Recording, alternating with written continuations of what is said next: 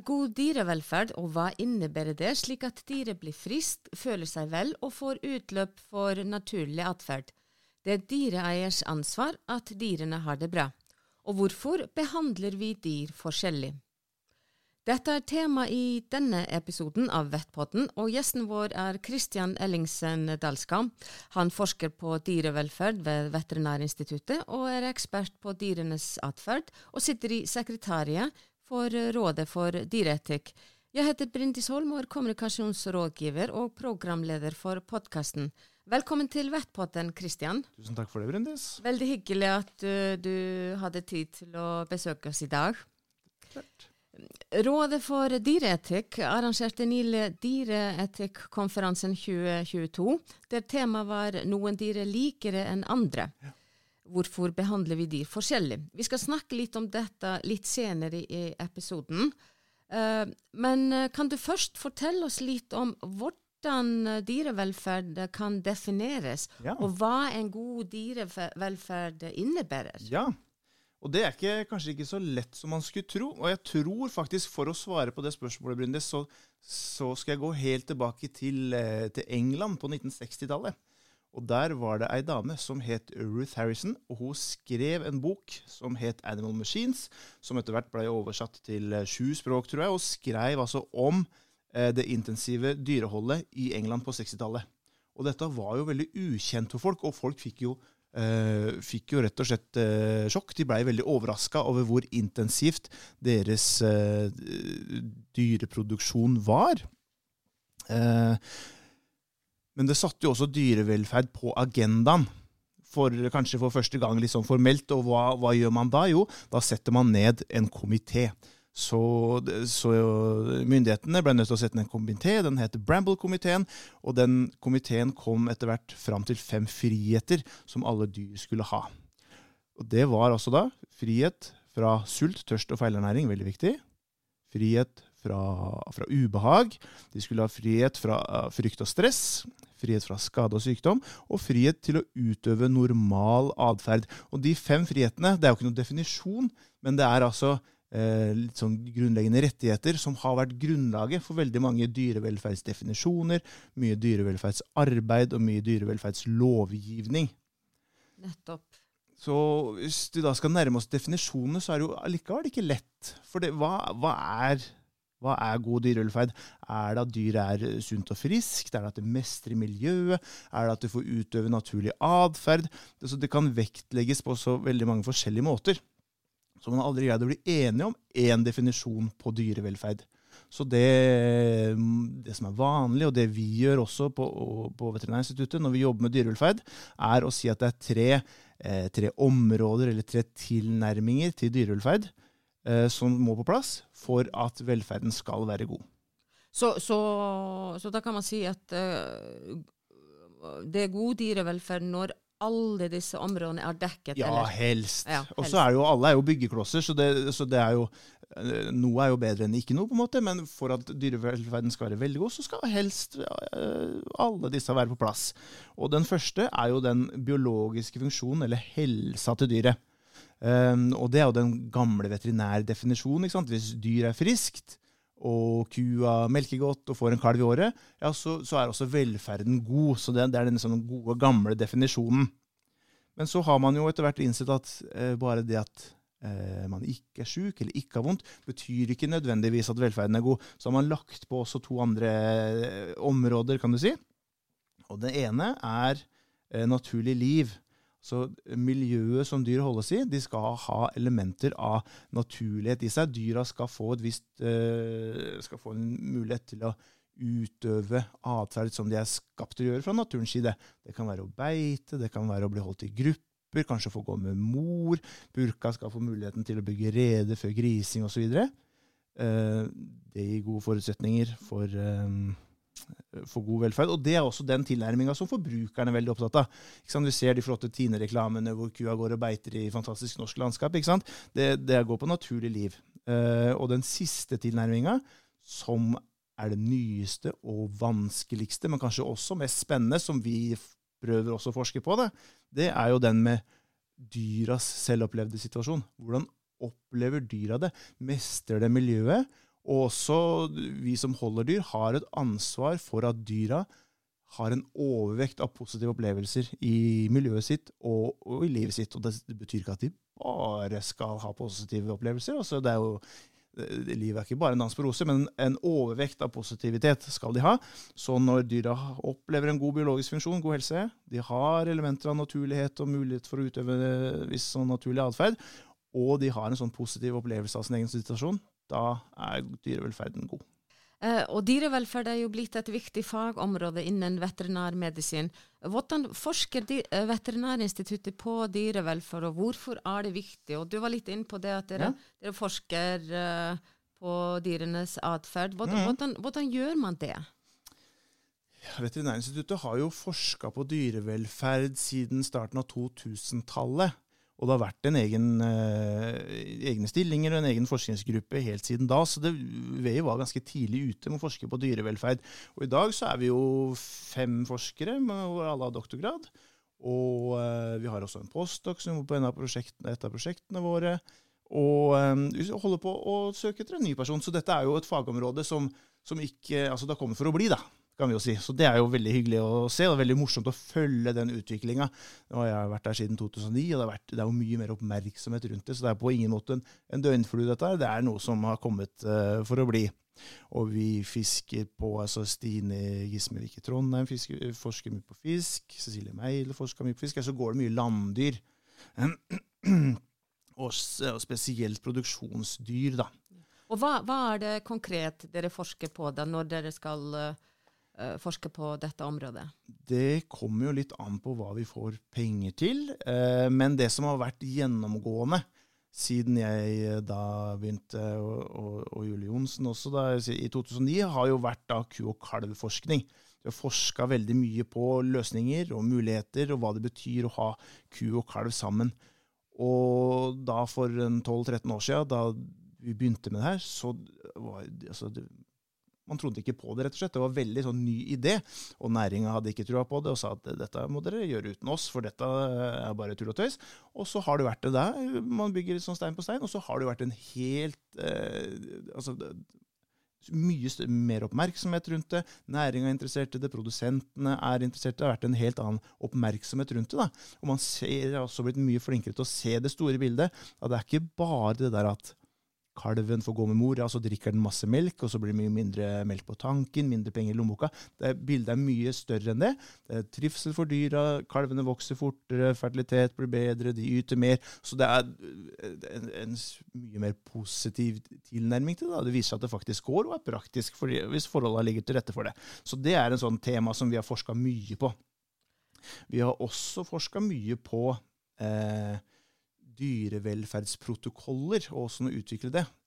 Og det handler jo om å måle dyrevelferden. Hvordan kan vi måle hvordan dyr har det?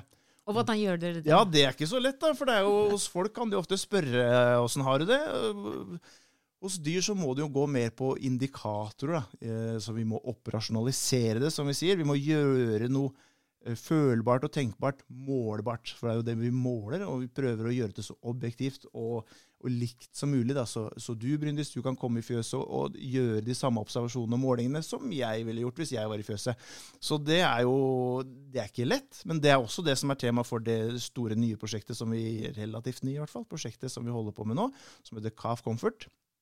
Hvor vi skal utvikle blant annet, da, utvikle indikatorer for å måle positiv velferd. Så vi skal ikke bare måle om de er sjuke eller om de er det.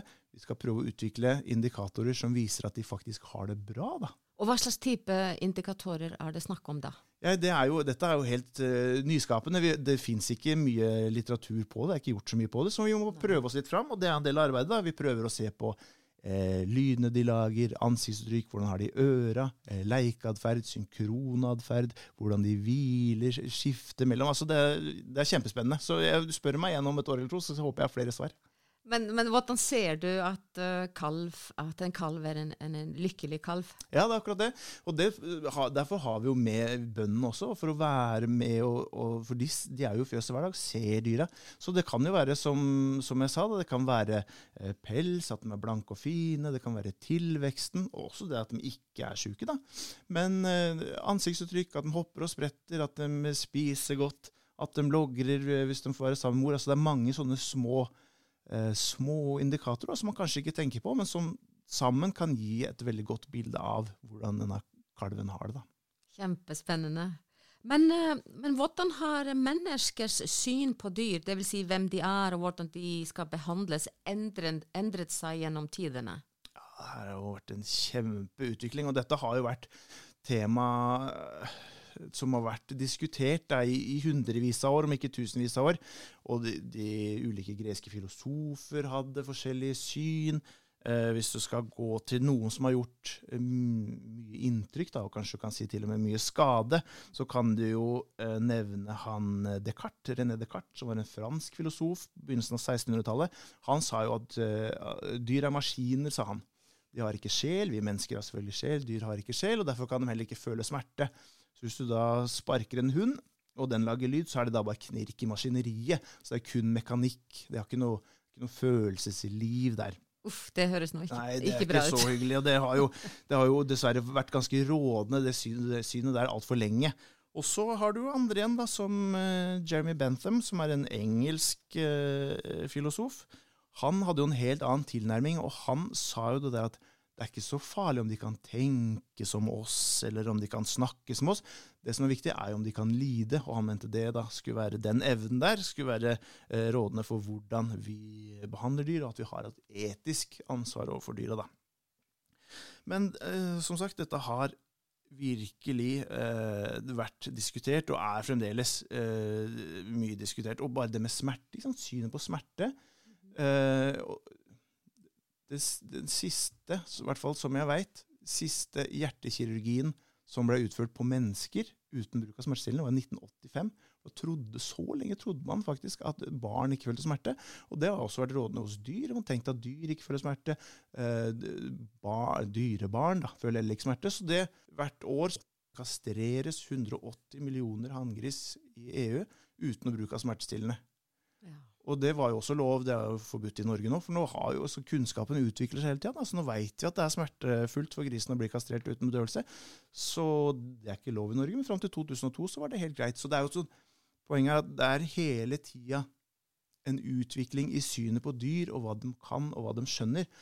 Så det som var greit for 50 år siden, eller 100 år siden, eller ja, bare opp til et par år siden. Det trenger ikke nødvendigvis å være greit nå, da, for det, kunnskapen om hva de trenger og, og, og, kan, rett og slett, da, hva de evner, flytter seg hele tida. Og da flyttes også grensene for hva vi kan gjøre, som er greit, med, med kunnskapen. da. Nettopp. og da, da kommer vi også til spørsmålet om hvordan har måten vi holder dyr på endret seg i takt med utvikling av teknologi og, og velstand, f.eks. Mm.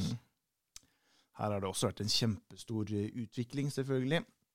Uh, og igjen, da, det handler om kunnskap. Og etter hvert som kunnskapen uh, utvikler så, så, holder vi også dyr på, på, andre, bedre måter. Og det er en, et større fokus på å dekke behovet hos dyr. Da. Ikke bare holde dem friske, men også dekke som jeg var inne på, det der med naturlighet og hvordan dyra tenker og, og mestrer sitt miljø. da.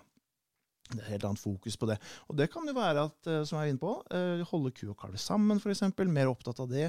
Uh, det er, står i lovverket at purka skal kunne bygge rede før, før, grising. Det er krav om gruppehold, det er beitekrav. Altså, man prøver, prøver, rett og slett å holde det mer på, på ja, sånn som dyra ville hatt det. da.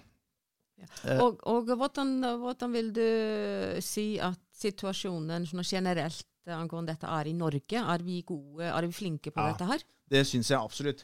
Og vi har jo en av verdens strengeste dyrevelferdslover, og vi har jo en av verdens beste dyrehelsestatuser. da. Eh, så, vi, så det henger veldig tett sammen? Ja da, det gjør det jo absolutt. Um, og, og, absolutt god dyrevelferd, men det betyr jo ikke at man ikke kan bli bedre. selvfølgelig. Det er alltid et forbedringspotensial, og det kan være en god utvikling. For på noen områder så har det vært mye press på, på økt produksjon, f.eks. Nettopp. Um, som gir en del produksjonssykdommer kan gi. Også en avl har vi jo sett kan gi problemer på enkelte områder. Gris, f.eks., har jo, der har det vært mye press på økt kullstørrelse. Så en del purker får jo flere grisunger enn de har spener. Så det krever jo mye av bonden hvis den skal få det til å fungere. Da må omplassere grisungene, og det kan også være en stor belastning på, på purka, da, i bogsår f.eks., og, og, og, svake grisunger. Uh, Hurtigvoksende slaktekylling har vi jo stadig hørt om, og problemer med det i forhold til uh, hybrider og sånt. Og også på sau har det vært, og er en del utfordringer med, med søyer som får mer enn to lam. Da. De har jo bare to spener. Så hvis de får tre og fire og fem lam, så, så blir det en del utfordringer. Og hundeavl har det også vært. Det er ikke det produksjonsdyr akkurat, men der har det jo akkurat nå dommen kommet i, i lagmannsretten på hvordan man skal kunne drive avl på, på to hunderaser. Så, så, det er utfordringer også. Men det med teknologi, da, eh, det er jo et kjempestort forskningsområde. Det er jo, en, eh, det er jo veldig i vinden nå. Og det kaller jo vi ofte for precision livestock farming. Altså at man kan virkelig være sånn presise og, og, og, gå inn og styre ting. Uh, og det handler jo mye om det handler om sensorer som da kan, kan merke nært forestående kalving, f.eks. Det er snakk om kameraer, det er lydsensorer, det er uh, melkerobot som plukker opp celletall og halthet og vekthold. altså det er masse. Og Har dette vært bra for uh, dyrevelferden? Ja, det har det jo, men det må jo brukes med forsiktighet. Og, og vår kjepphest, da, hvis det går an å si det sånn, det er jo at alt det, alle sensorer og all teknologi, det, det kan jo ikke erstatte bondens øye for dyra. Nei. Og det er jo det mest fantastiske sensoren vi har, tenker jeg i hvert fall. Og det det vi prøver å formidle, er at alt dette her, ja, det er bra, men det må brukes i tillegg da, til bondens tilstedeværelse i fjøset. For den er fremdeles kjempeviktig. Ja. Uh, og Du var jo litt inne på dette her at uh, husdyrene våre blir stadig mer produktive, og miljøet de holdes i blir stadig mer uh, tidligere så handlet dyrevern om å beskytte dyr mm. mot fysisk mishandling. Men hva er det som man er opptatt av i dag? Ja, altså, som jeg var inne på, så er det jo mer å dekke behova. Men det, det fins en veldig morsom, eller hva skal jeg si, beskrivende modell som er utvikla av en, en, eh, en, økonom som heter McInerney. Og Hvis jeg skal prøve å beskrive den da, uten å kunne vise noe på, på en tavle, så kan man tenke seg da at eh, bort over eh, X-aksen så har man produktivitet, og oppover Y-aksen så har man velferd. Så det er sam en sammenheng der mellom eh, hvor mye dyret produserer, og hvilket velferdsnivå det har. Og det, det, den sammenhengen der ser ut som en U opp ned. Så hvis man tenker ville dyr da ute i skogen, mm -hmm. så vil de være lav produktivitet. Altså, de har ikke avla for å gi mye melk eller få mange kalver. ikke sant? En, en elg, f.eks. Så de har en lav produktivitet, men en, relativt høy velferd. Altså, de lever jo fritt, og de, de går og spiser og, og, gjør mye som de vil. Men eh, det ville livet er jo så hardt, ikke sant? så det er jo, velferden er jo ikke helt på topp. Men ganske høy velferd, lav produktivitet. Det vi tenkte når vi tok dyra inn for mange, mange år siden, det var jo at vi skulle beskytte dem mot elementene og beskytte dem mot å fryse i hjel. Vi skulle gi dem maten de trengte, og vi skulle beskytte dem mot rovdyr. Så da vi gjorde det, så økte jo både produktiviteten og velferden. Og da går vi jo oppover altså Som jeg sa, da, forholdet er som en opp-ned-U. Så beveger oss jo oppover den derre toppen da, på den opp-ned-U-en. At både velferden øker, og produktiviteten øker, så de kan få flere barn, de kan eh, vokse raskere, de kan legge flere egg, kanskje. Men så, så da er man jo på en måte på toppen, da. Topp velferdsmessig, og en noe høyere produksjon. Men problemet kommer jo da når dyret presses videre. Altså kravet om produktivitet gjør at vi presser dyra våre enda videre. For da går jo den produktiviteten på bekostning av velferden. Så etter hvert som den presses utover den der, som jeg sa, den der liggende eh, X-aksen, mm -hmm. så vil også velferdsnivået begynne å synke. da hvor vi beveger oss nedover den der opp-ned-U-en. Så, så, det må være en balanse ja, her? Ja, så det akkurat det. Så det må være ja. en balanse. Og hvor den balansen er, hvor høy velferd og hvor lav eller høy produktivitet, det, og det er jo det som er spørsmålet, og det er det som er så vanskelig. da. Finne det der optimale punktet. Og der har vi jo selvfølgelig mange ulike syn på hva som er greit. da. Men på Dyreetikkonferansen 2022 kom det fram at dyr tildeles verdi og rettigheter på grunnlag av sin artstilhørighet og behandles deretter. Og dere spurte jo hva grunnen er til at vi behandler dyr så forskjellig. Mm. Hvilke svar fikk dere på konferansen? vi, vi, fikk mange svar, og vi sitter nok igjen med, med, like mange spørsmål som vi hadde før. Men det var jo også litt av poenget at man skal tenke litt, og det er jo ikke noe fasitsvar her. Men en av de faktorene som gjør at vi behandler dyr likt og ulikt, det er jo om de er beskytta av dyrevelferdsloven. Og grensa for hvilke dyr som, som er beskytta der, det går jo ved evnen til positive og negative opplevelser. Så hvis man antar da at disse dyra kan uh, ha positive og negative opplevelser, ja, så, så, omfattes de også av dyrevelferdsloven.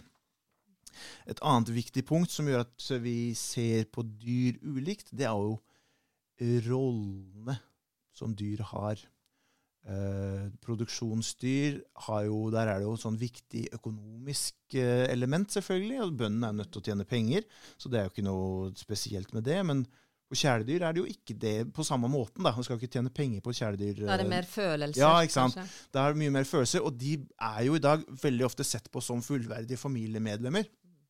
Og i og med at de er fullverdige familiemedlemmer, ja, så blir også referanserammene, hvis de blir sjuke, er jo ofte da altså humanrammene. Da. Hva, hva ville jeg gjort med eh, mitt barn hvis det ble sjukt? Eh, så forventer man på en måte samme med, med hunden sin. da.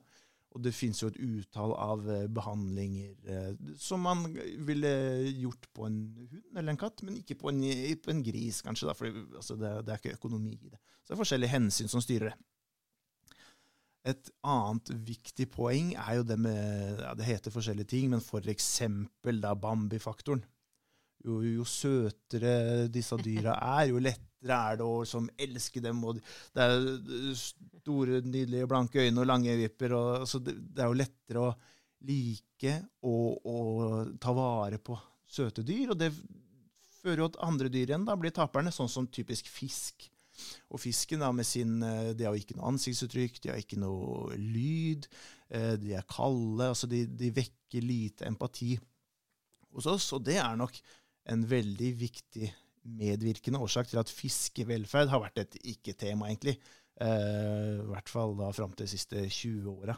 Man har jo ikke trodd at fisk verken kan føle smerte eller kommunisere noe. Og så viser jo forskningen, da, etter hvert som man begynner å forske på det, at jo, de føler både smerte og stress, og de kommuniserer på en, eh, en masse ulike måter. og De har et kjempekomplekst sosialt samspill, så de, evnen er jo der. Det er bare vi som ikke har oppdaga det. Ja, dette var veldig interessant å høre, Kristian. Um, og det er jo dyreeiers ansvar at dyrene har det bra, ikke sant? Mm.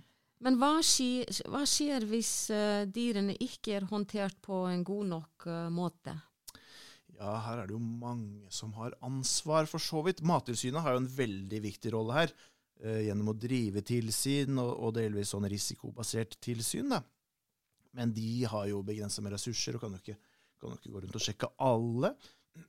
Veterinær har en kjempeviktig rolle her hvis dyr ikke behandles ordentlig ved å, å, melde fra, men også det å, å, gå inn og være med og, og, veilede og vurdere for en eier. Da. Hvis det er en skade eller uh, sykdom, så har veterinæren en veldig viktig rolle i å, å, vurdere hva man skal gjøre.